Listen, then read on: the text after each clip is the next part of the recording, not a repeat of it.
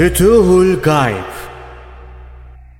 Sultanül Evliya Gavs-ı Azam Abdülkadir Geylani Hazretleri 51. Makale Zühd üzerine Zahit olan bazı sebepler yüzünden iki defa sevap alır. Bunun biri bir şeyi terk eder ama nefsi için değil. Bundan manevi bir huzur duyar, sevap alır. İkinci defa yalnız Allah emir verdiği için alır, bundan da ayrı bir mükafat kazanmış olur. Zahit, nefsine uyarak hiçbir şey almaz. Nefsine muhalif kalır. Bu hal gerçekleşince hakikate erenlerden sayılır. Veli olmaya hak kazanır. Emin zümresine karışır. Ariflerden olur. Bu hale geldiği zaman bir nevi varlığı yok gibi olur. Bu durumda verilen emir dahilinde işlerini yapmaya çalışır. Sakin olur, daima huzur sahibidir. Nasibi neyse kolayca gelir. Öyle zaman olur ki yer, içer fakat iradesi sönmüş olur.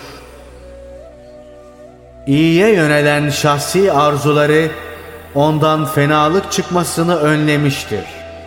İşte bu durum karşısında emre uyarak iradesini karıştırmadan kader-i ilahinin önünde işlerinin akışını devam ettirmeye muvaffak olursa karların en üstününü elde etmiş olur.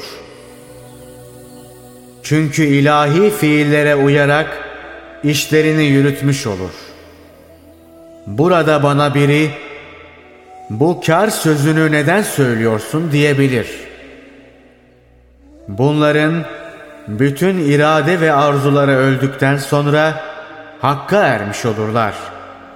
İstek, arzu, bazı dereceler kazanmak bunlar için düşünülemez. Bunlar bulacaklarını bulmuşlar, hakkın has kulu olmuşlardır.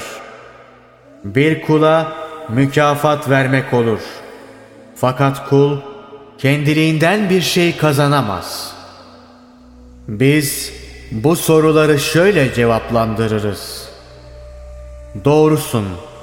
Şu kadar var ki İzzet ve Celal sahibi Allah onları fazlına kavuşturur. Lütfuna, keremine erdirir. Kulun bütün iradesi hemen söner. Ama ne de olsa beşeri alemdedir. Az da olsa bir iradesi vardır. Ve bunu kötü yola koymamak için bir gayret sarfında bulunmuştur. Onun için her şey vardır. Her güzellik verilmiştir. Bu verilenleri o zat kendiliğinden elde edebilir mi? Edemez. Sonra kazanç, kar denilince akla yalnız cennetin ırmakları gelmemeli. Allah'ın ihsan buyurduğu lütuf ve hayır işe yardım da bir mükafat sayılmalıdır. Şunu da burada söylemek lazımdır ki o veli bir çocuk gibidir.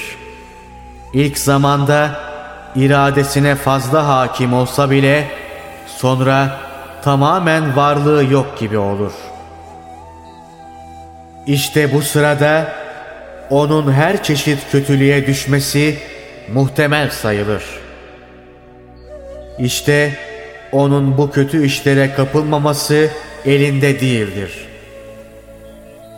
Daha önceki hareketlerinin sağlam olması ona kazanç temin etmiştir. Ve bu kazanç da onun kötü işlerden korunmasıdır. Kazançlar çeşitlidir. Bir çocuğun da kazancı vardır. Nasıl ki ana ve babasının himayesine sığınan bir yavru için himaye edilmek bir kazançtır. Babanın rızık temini, annenin kalbine konan şefkat duygusu yine o yavru için en büyük kardır. O insan da bir çocuk gibidir. Halkın onu sevmesi, ona yardım etmesi kendisi için bir kazanç sayılır. Bunu Allah vermiştir. İşte cevap. Bu kazançlar böyledir. İlahi emirleri yapmak yine bir nevi mükafat sayılır. Çünkü insan her istediğini yapamaz. Onu yapması için ilahi lütuf ve kerem ihsanı gerekir. Allah daima sevgili kullarının yardımcısıdır.